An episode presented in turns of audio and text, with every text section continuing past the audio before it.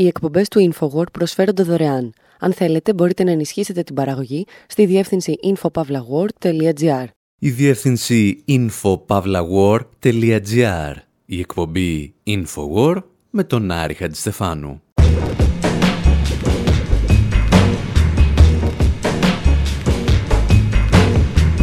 όπου σήμερα μοιραζόμαστε μουσικές για τις πιο πολιτικές βόλτες που έκανε ο Γιούρι Γκαγκάριν στη γη και έξω από αυτήν. Το κάνουμε γιατί ο πρώτος άνθρωπος που βγήκε στο διάστημα πριν από 60 χρόνια δεν ήταν απλώς ένα παιδί που μετρούσε τα άστρα. Ήταν κυρίως ένα παιδί που πολεμούσε φασίστες. Μια ιστορία που θα σας διηγηθούμε με μερικά τραγούδια. Κατανοούμε τι σημαίνει να είσαι η άμμος στις μηχανές τους, κυριολεκτικά, και ύστερα να ταπεινώνεις μία ακόμη υπερδύναμη. Κυρίως όμως καταλαβαίνουμε τι σημαίνει να είσαι ο πρώτος άνθρωπος που βγήκε στο διάστημα και να δηλώνεις ότι ήσουν απλώς ένας από τους 7.000 ανθρώπους που εργάστηκαν για αυτή την αποστολή.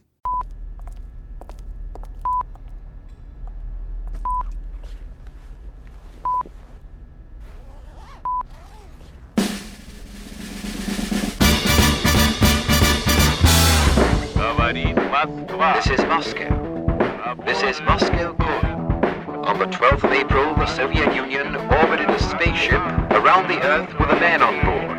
The astronaut is a Soviet citizen, Major Gagarin Yuri Alexeyevich.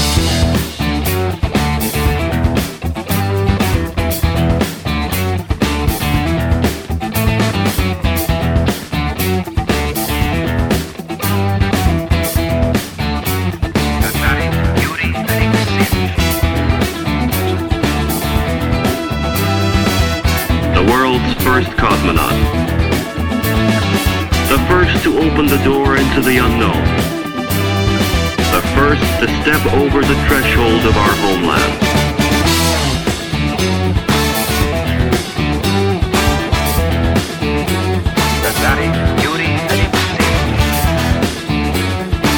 The whole planet knew him and loved him. Gagarin.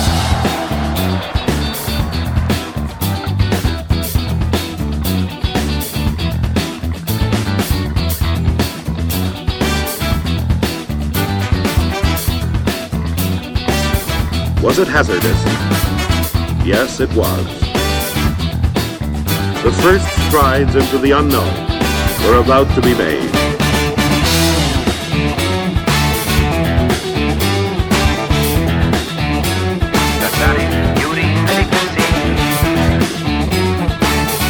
The hero who blazed the trail to the stars. Public Service Broadcasting από το Λονδίνο παρουσιάζουν το κομμάτι τους Gagarin από το άλμπουμ The Race of Space. Ένα από τα άλμπουμ που τους ξελάσπωσαν αρκετές φορές αφού διάφορες οργανώσεις τους καλούν να παίξουν όπου υπάρχει μια μεγάλη επέτειος για την εξερεύνηση του διαστήματος. Και είμαστε σίγουροι ότι αρκετοί τους θυμήθηκαν και αυτό τον Απρίλιο του 2021 60 χρόνια από την στιγμή που ο πρώτος άνθρωπος μπήκε σε τροχιά γύρω από τη γη. Για την ακρίβεια, ο πρώτος σοβιετικός άνθρωπος. Γιατί αυτή η ιστορία είναι ταυτόχρονα πανανθρώπινη, αλλά και βαθύτατα πολιτική.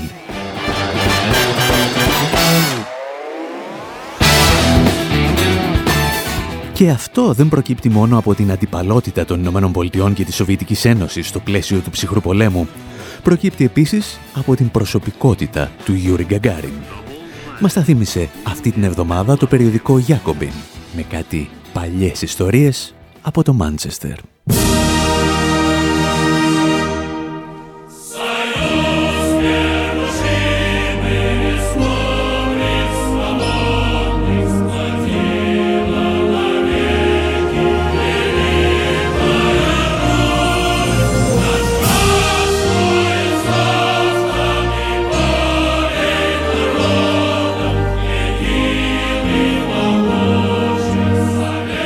Στο αποκορύφωμα του ψυχροπολέμου το καλοκαίρι του 1961, η κεντρική πλατεία του Μάντσεστερ θυμίζει κάτι από την ταινία «Λούφα και παραλλαγή» εκείνη τη σκηνή που τοποθετούν στη Βουλή εικόνες του Λένιν. Δίπλα στη σημαία του Ηνωμένου Βασιλείου κυματίζει και μία κόκκινη με σφυροδρέπανο. Και από τα ηχεία στην πλατεία πεανίζει ο ύμνος της Σοβιετικής Ένωσης.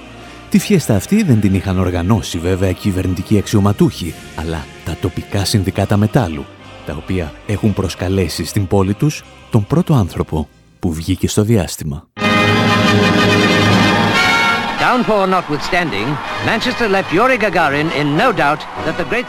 Παρά την καταρακτώδη βροχή, το Μάντσεστερ απέδειξε στον Γιούρι Γκαγκάριν ότι στη μεγάλη αυτή πόλη δεν υπήρξε ποτέ πιο ευπρόσδεκτος επισκέπτης. Εκατομμύρια άνθρωποι το γνωρίζουν αυτό. Τα συνδικάτα μετάλλου τον ανακήρυξαν επίτιμο μέλος τους και του προσέφεραν ένα χρυσό μετάλλιο. Ο πρόεδρος του συνδικάτου εξήγησε την τεράστια τιμή που τους έκανε ο Γιούρι να αποδεχθεί το μετάλλιο. Υπό μία έννοια ήταν ένας από αυτούς, γιατί στα νιάτα του ο Γκαγκάριν ήταν εργάτης μετάλλου.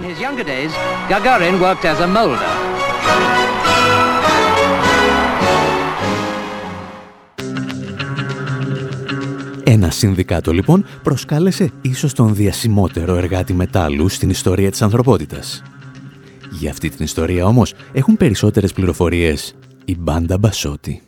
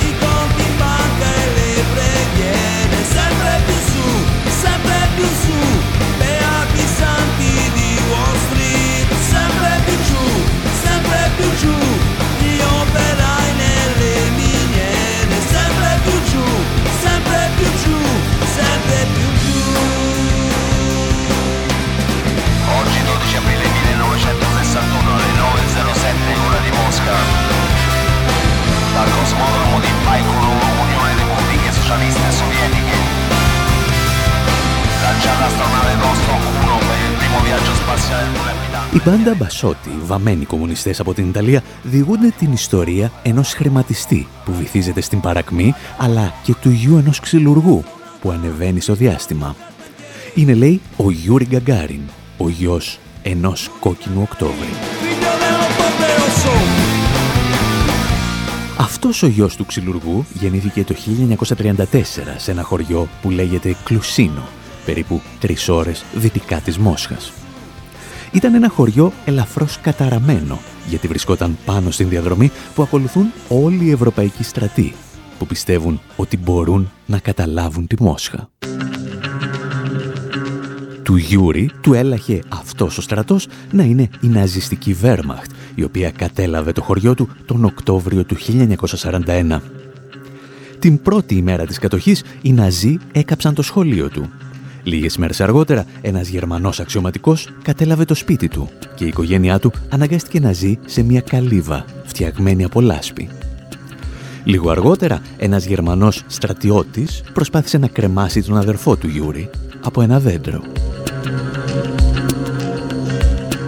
Και κάπου εκεί, ο Γιούρι Αλεξέγεβιτς Γκαγκάριν τα πήρε στο κρανίο. Οι βιογράφοι του υποστηρίζουν ότι συμμετείχε σε μικρές επιχειρήσεις σαμποτάζ, ρίχνοντας άμμο σε εξαρτήματα των γερμανικών αρμάτων μάχης. Το σίγουρο είναι ότι η οικογένεια πλήρωσε ακριβά τη δράση της, καθώς τα δύο μεγαλύτερα αδέρφια του Γιούρι οδηγήθηκαν σε στρατόπεδα καταναγκαστικής εργασίας στην Πολωνία. Και εκεί όμως κατάφεραν να δραπετεύσουν. Κάτι που παρεπιπτόντος ο Γιούρι δεν γνώριζε για αρκετά χρόνια και τους θεωρούσε νεκρούς. Ο πρώτος άνθρωπος λοιπόν που βγήκε στο διάστημα είχε πρώτα εκπληρώσει μία από τις σημαντικότερες υποχρεώσεις κάθε ανθρώπου στη γη. Πολέμησε τους φασίστες με όλες τις δυνάμεις που διέθετε. Πιθανότατα ένας λόγος παραπάνω για τον οποίο οι Ρώσοι τον λατρεύουν όσο ελάχιστους από τους ήρωές τους και του γράφουν τραγουδάκια σαν κι αυτό.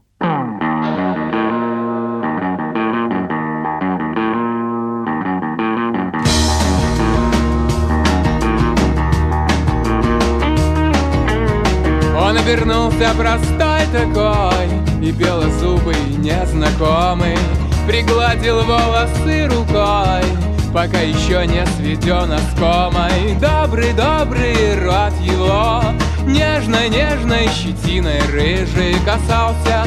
Пусть бы был никто Прощай, прощай, родной бесстыжий. Жизнь била-била, да.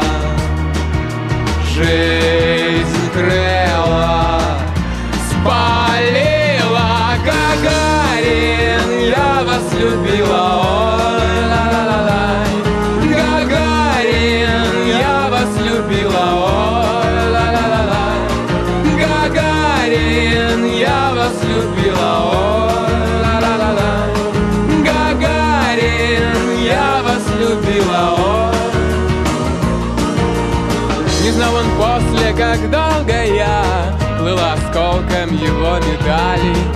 спину била его струя. И жал он молча свои педали. Больно, больно, потом упал. Расшибился из-под обломков извлек себя И начертал.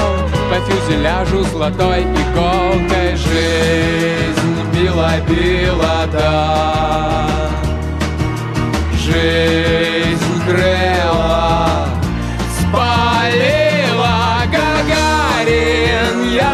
любила, ой, ла ла ла ла Гагарин, я вас любила, ой, ла ла ла ла Гагарин, я вас любила, ой,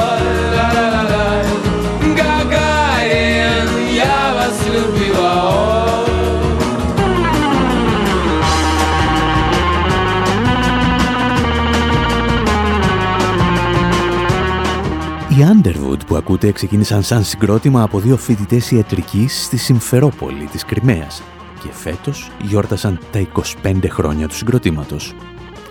Ξεκίνησαν δηλαδή στην Ουκρανία και συνεχίζουν σε μια αυτόνομη δημοκρατία της Ρωσίας. Εδώ πάντως εκφράζουν απλώς την αγάπη τους για τον Γιούρι Γκαγκάριν. Τον οποίο Γκαγκάριν αφήσαμε μαθητή και σαμποτέρ στη διάρκεια του Δευτέρου Παγκοσμίου Πολέμου και τώρα τον βλέπουμε κοντζάμ παλικάρι να εργάζεται σε μια βιομηχανία μετάλλου στο Γκτζάτσκ. Ή κάπως έτσι. Και εκεί ο Γιούρι κάτι δεν πρέπει να κατάλαβε καλά. Στις αρχές της δεκαετίας του 50 είδε ένα αεροσκάφος τύπου Γιάκοφλευ να πραγματοποιεί ανώμαλη προσγείωση. Αυτά που συνήθως αποκαλούμε τα μοιραία Γιάκοφλευ. Ο Γιούρι όμως ενθουσιάστηκε Ενθουσιάστηκε τόσο που αποφάσισε ότι το μέλλον του ανήκει στην αεροπορία. Το πρόβλημα ήταν ότι οι πρώτες του πτήσεις ήταν σαν του Μοιραίου Γιάκοβλεφ και η πολεμική αεροπορία τον κράτησε ως εκ θαύματος, αφού παραλίγο να της ρίξει το αεροσκάφος του δύο φορές κατά τη διάρκεια της βασικής εκπαίδευσης.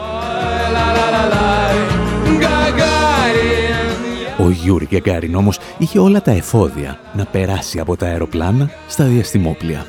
Ήταν ευφιέστατος, μάθαινε πολύ γρήγορα και άντεχε στις κακουχίες αλλά και στα ψυχολογικά τεστ. Επιπροσθέτως, για τα δεδομένα της Ρωσίας, ήταν ένα μέτρο και ένα μίλκο. Για την ακρίβεια είχε ύψος 1 μέτρο και 57 εκατοστά και ζύγιζε λιγότερο από 70 κιλά. Δύο ιδανικά στοιχεία δηλαδή, εάν το όραμά σου είναι να σε βάλουν σε μια κάψουλα και να σε πετάξουν στο διάστημα. Και λίγα λεπτά πριν το κάνουν, στις 12 Απριλίου του 1961, ο Γιούρι ηχογράφησε ένα μήνυμα το οποίο θέλησε να στείλει σε ολόκληρη την ανθρωπότητα. Дорогие друзья, близкие и незнакомые, соотечественники, люди всех стран и континентов. Αγαπημένοι μου φίλοι, γνωστοί και άγνωστοι, αγαπημένοι μου συμπατριώτε και όλοι οι άνθρωποι του κόσμου. Τα επόμενα λεπτά ένα πανίσχυρο διαστημικό σκάφο θα με μεταφέρει στο μακρινό χώρο του σύμπαντο. Τι μπορώ να σα πω εγώ σε αυτά τα λίγα λεπτά πριν την εκτόξευση. Όλη μου η ζωή εμφανίζεται σε αυτή τη μοναδική στιγμή. Ό,τι έχω κάνει και ό,τι έχω ζήσει το έκανα και το έζησα για αυτή τη στιγμή. Все, что прожито, что сделано прежде, было прожито и сделано ради этой минуты. Кедр. Я заря-1. Зажигание. Понял, дается зажигание. Предварительное.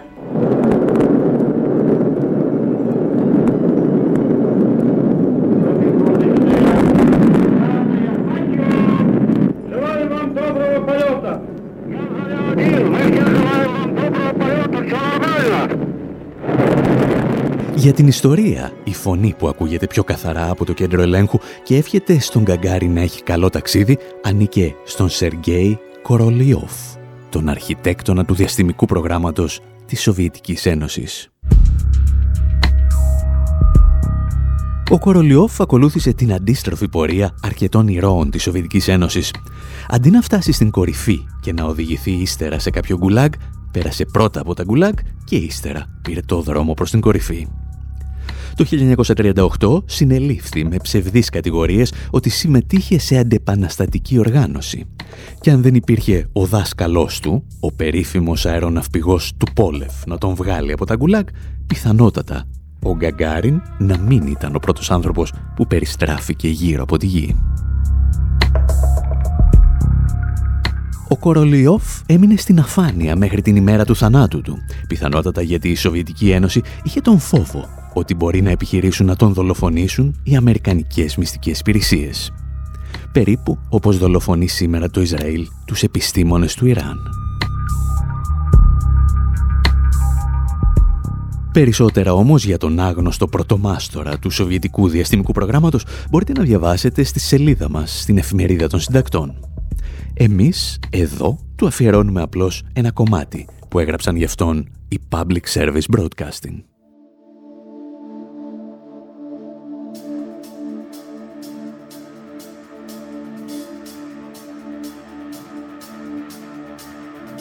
The road to Baikonur started from here. But it was not an easy road.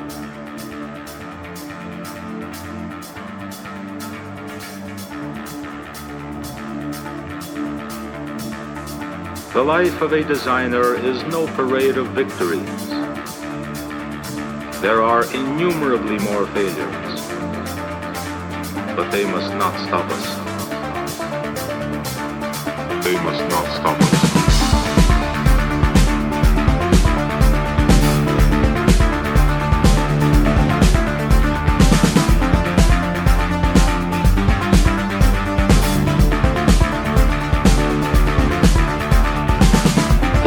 hurry to live, as though he knew that he had but 60 years allotted to him. Fulfill man's dream of the universe. Make the great cosmos tangible. This was to be done by Sergei Korolev.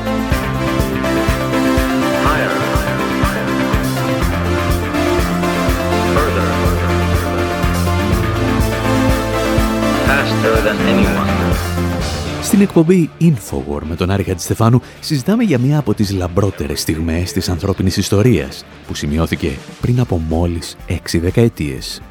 Συζητάμε για την επιτυχία της Σοβιετικής Ένωσης να στείλει τον πρώτο άνθρωπο στο διάστημα.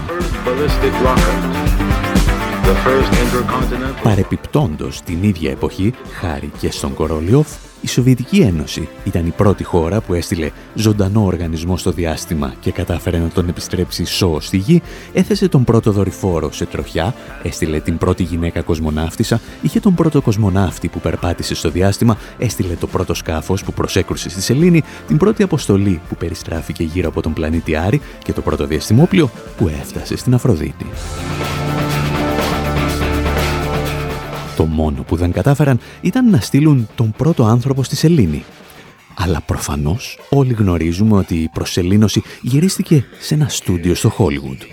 Όπως επίσης γνωρίζουμε ότι η γη είναι επίπεδη και με τα εμβόλια επιτυγχάνουμε καλύτερο σήμα στα κινητά. Γιατί εμείς, 60 χρόνια από τη στιγμή που η Μόσχα έστελε ανθρώπους στο διάστημα, συμβιώνουμε ακόμα με συνωμοσιολόγους που σύμφωνα με τις θεωρίες του Δαρβίνου θα έπρεπε να έχουν εξαφανιστεί από το πρόσωπο της γης. Παρ' όλα αυτά, εσείς μένετε εδώ. Γιατί αφού μιλήσαμε για τις λαμπρές στιγμές της Σοβιετικής Ένωσης στο διάστημα, θα θυμηθούμε και ορισμένες πιο σκοτεινές στο Αφγανιστάν.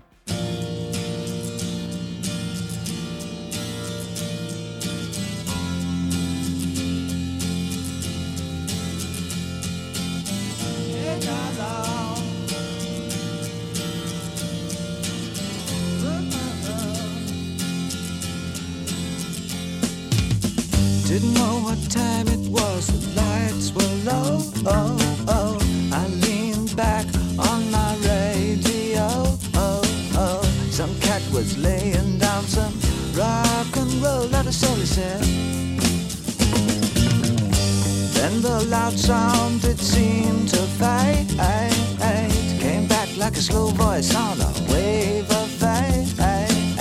That was no DJ, that was hazy cosmic jive. There's a starman waiting in the sky.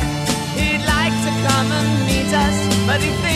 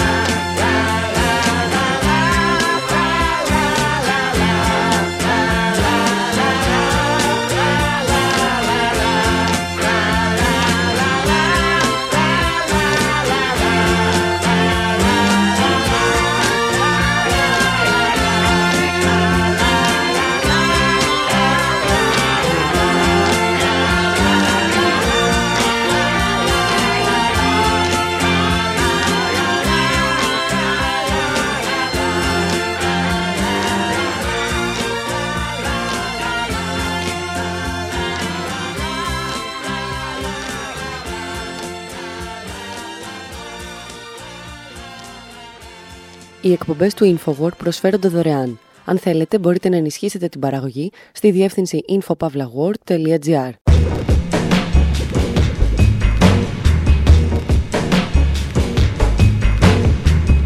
Η εκπομπή InfoWord με τον Άρη Χατζηστεφάνου. όπου με αφορμή την ανακοίνωση του Αμερικανού Προέδρου για την αποχώρηση των στρατευμάτων από το Αφγανιστάν, εμείς έχουμε ένα déjà vu. Καταρχήν γιατί έχουμε παρακολουθήσει ακόμη τρεις αυτοκρατορίες να φεύγουν ταπεινωμένες από την περιοχή. Την αυτοκρατορία του Μεγάλου Αλεξάνδρου, των Βρετανών και των Ρώσων.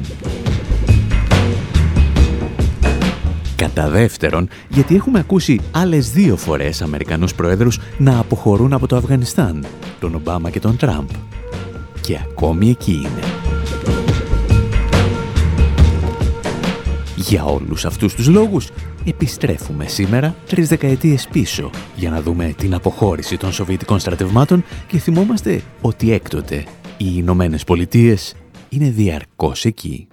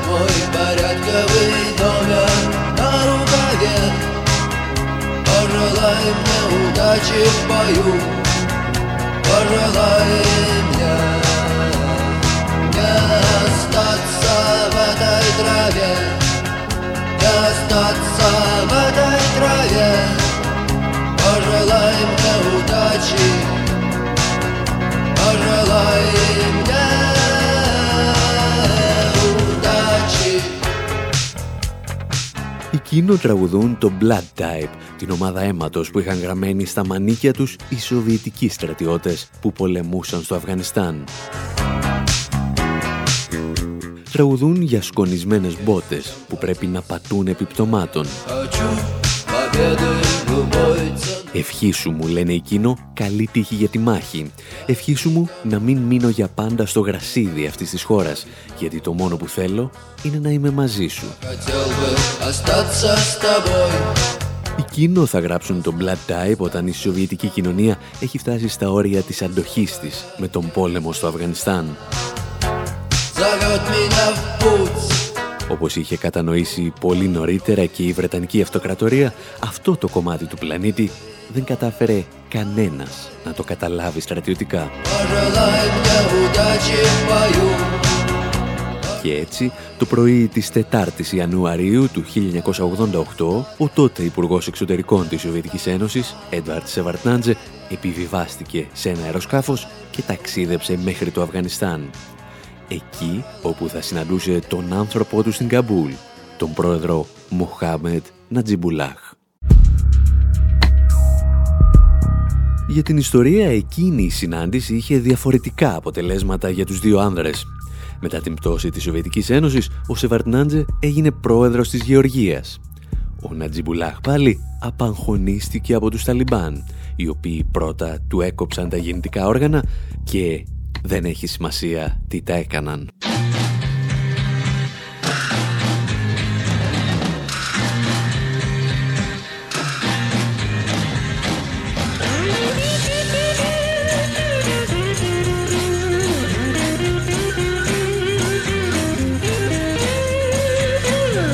must be some kind of way out of here. Say the joker to the thief. There's too much confusion. I can't get no relief. Businessman there drink my wine. Plowman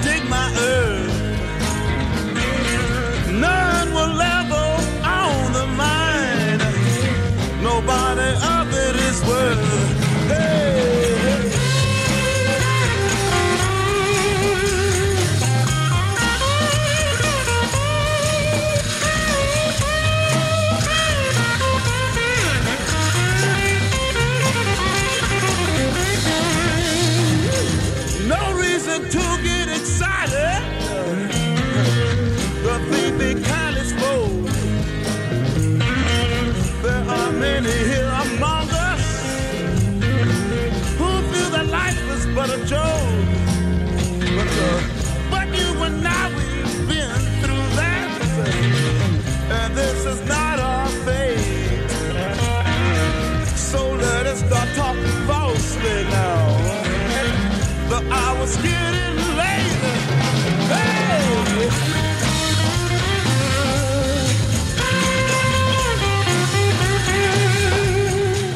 Ο Τζίμι Χέντριξ, χωρίς φυσικά να τον έχει ερωτήσει και κανένας, προσφέρει τη μουσική του για το soundtrack της ταινίας Charlie Wilson's War, όπου Charlie Wilson ήταν ο δημοκρατικός γερουσιαστής από το Τέξας που ενορχίστρωσε μαζί με τη CIA την περίφημη επιχείρηση Κυκλώνας, τη μεγαλύτερη μυστική επιχείρηση στην ιστορία των Ηνωμένων Πολιτειών. Στόχος της επιχείρησης ήταν να εξοπλιστούν οι δυνάμεις των Μουτζαχεντίν στο Αφγανιστάν για να πολεμήσουν τη Σοβιετική εισβολή. Μια διαδικασία από την οποία, όπως θα δούμε, θα γεννηθούν οι Ταλιμπάν και η Αλκάιντα του Οσάμα Μπιν Λάντεν. Για την ιστορία, από την πλευρά της CIA, την επιχείρηση είχε αναλάβει να οργανώσει ένας παλιός μας γνώριμος, ο Γκάστ Αβράκοτος, ο άνθρωπος που φέρεται να αποτελούσε το σύνδεσμο της CIA με την ΚΙΠ και τον δικτάτορα Παπαδόπουλο, πριν από την ελληνική δικτατορία. Τα εξηγούσε όμως καλύτερα ο ίδιος στην ταινία Charlie Wilson's War. I've been with the company for 24 years. I was posted in Greece for 15. Δουλεύω στη CIA για 24 χρόνια. Για 15 χρόνια είμαι στο σταθμό της Ελλάδας. Ο Παπανδρέου θα έχει κερδίσει τις εκλογές αν δεν είχα βοηθήσει τη Χούντα να τον συλλάβει. Έδαινα συμβουλές στον ελληνικό στρατό και εξουδετέρωνα κομμουνιστέ. Θέλω λοιπόν να μάθω γιατί δεν με κάνει σταθμάρχη στο Ελσίνκι. I don't know why. I'm not going to be your Helsinki station chief. Εμείς όμως οφείλουμε να επιστρέψουμε στην ιστορία μας. Και σε αυτή την ιστορία μας αφορά ο πραγματικός χρηματοδότης της επιχείρησης Κυκλώνας, δηλαδή η Σαουδική Αραβία. Ο πρίγκιπας Μπαντάρ είναι και σε αυτή την περίπτωση το πορτοφόλι των Αμερικανικών επιχειρήσεων. Το Ριάντ ανοίγει τα θησαυροφυλάκια του και οι μυστικές υπηρεσίες του Πακιστάν αναλαμβάνουν την εκπαίδευση των Μουτζαχεντίν. Και έτσι, σε λίγα χρόνια, το τζίνι της Ισλαμικής τρομοκρατίας έχει μόλις γεννηθεί. Ο ίδιος ο Μπαντάρ αποκάλυψε ύστερα από μερικά χρόνια ότι τον επισκέφθηκε ο Οσάμα Μπιν Λάντεν για να τον ευχαριστήσει γιατί έφερε, όπως λέει, τους Αμερικάνους στο Αφγανιστάν. Η Ουάσιγκτον είχε αποκτήσει δύο πολύτιμους συμμάχους, έναν για να ευγνωμονεί και έναν για να μισεί. Σε κάθε περίπτωση η Σοβιετική υπερδύναμη είχε ιτηθεί από τους αντάρτες της χώρας εκείνης για τους οποίους τραγουδούσε στη δεκαετία του 80 το βρετανικό συγκρότημα Angelic Upstarts Guns for the Afghan Rebels όπλα για τους Αφγανούς αντάρτες. Τους ακούμε και επιστρέφουμε.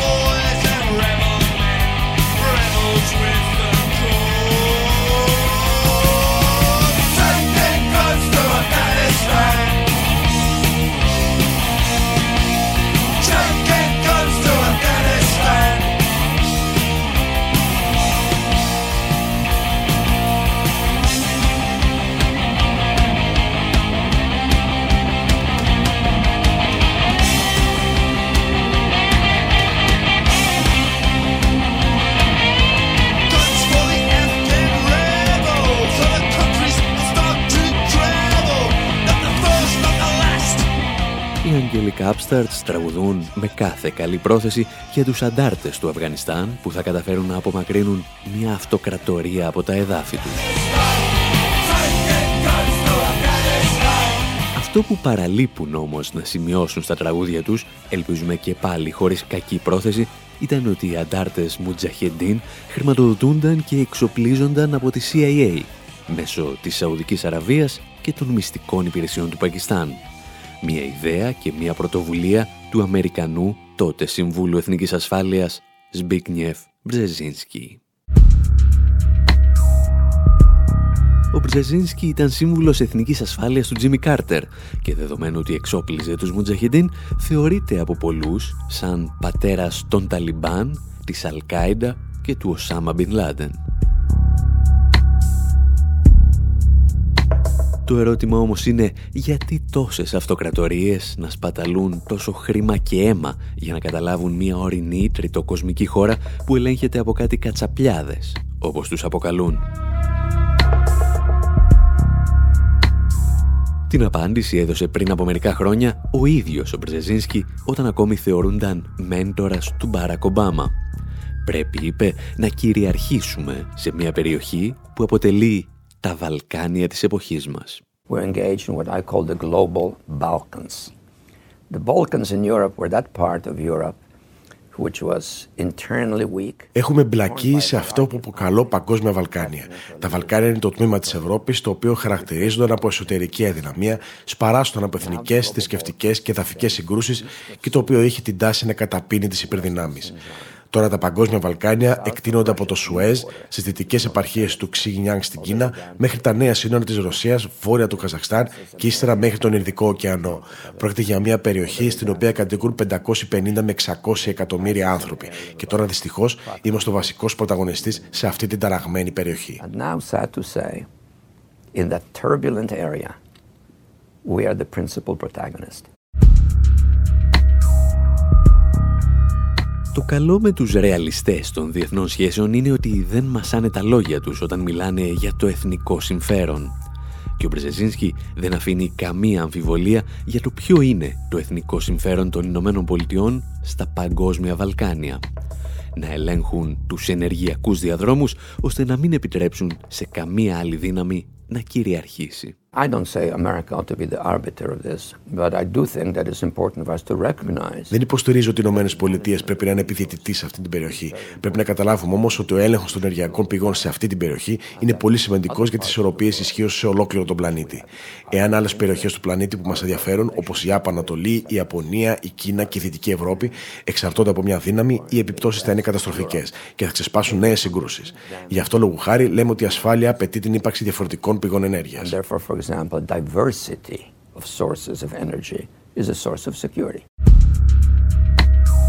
Ο έλεγχος των ενεργειακών πηγών, υποστηρίζει λοιπόν ο Μπρεζεζίνσκι, δικαιολογεί την κλιμάκωση των αμερικανικών επιχειρήσεων στο Αφγανιστάν και το Πακιστάν. Ο οικονομολόγος και συγγραφέας William Engel πάντως προχωρά την κουβέντα ένα βήμα παραπέρα, μιλώντας πριν από χρόνια στο δίκτυο Real News.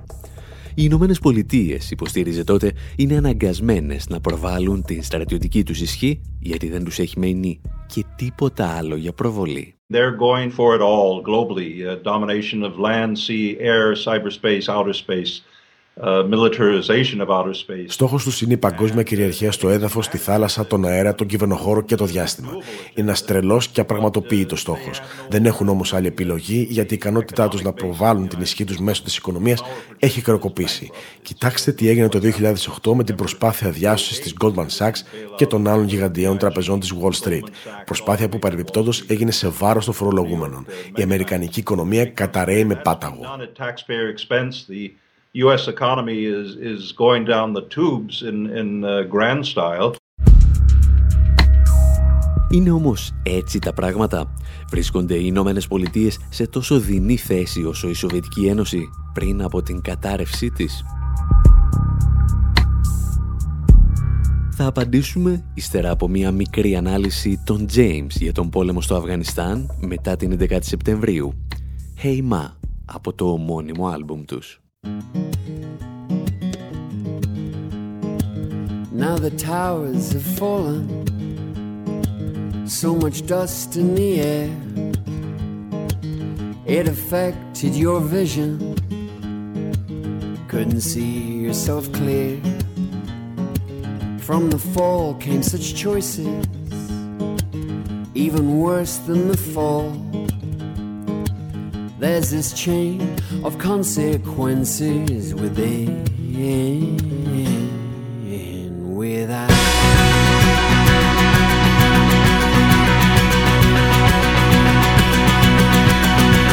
Action cause and reaction never falls to plan.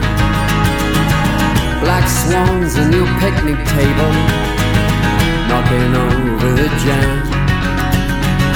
Please don't preach me forgiveness. You're hardwired for revenge.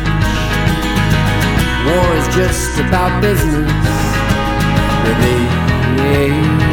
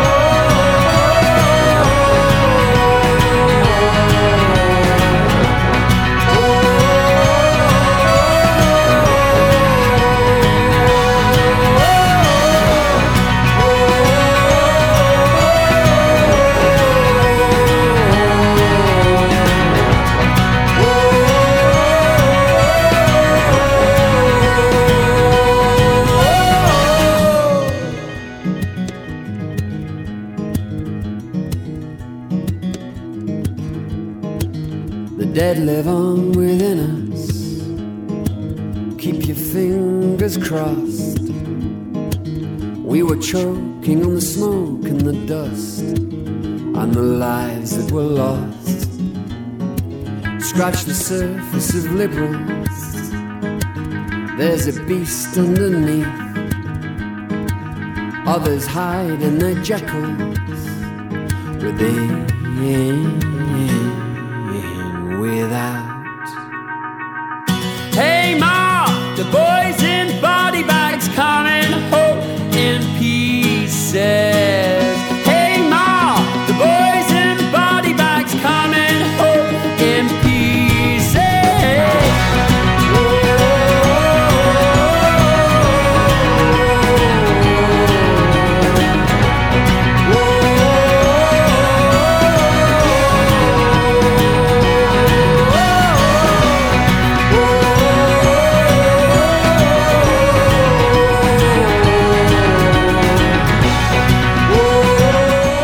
James επαναλαμβάνουν ουσιαστικά τα σοβιετικά ροκ τραγούδια της δεκαετίας του 80 με τα οποία ξεκινήσαμε, μόνο που αυτή τη φορά το κάνουν για τα αμερικανικά και τα βρετανικά στρατεύματα κατοχής του Αφγανιστάν. Ή αν προτιμάτε, τα δυτικά στρατεύματα κατοχής. Και τώρα ο Biden γίνεται ο τρίτος κατά σειρά πρόεδρος των Ηνωμένων Πολιτειών που υπόσχεται να απομακρύνει τις αμερικανικές αλλά και τις νατοικές δυνάμεις από το Αφγανιστάν.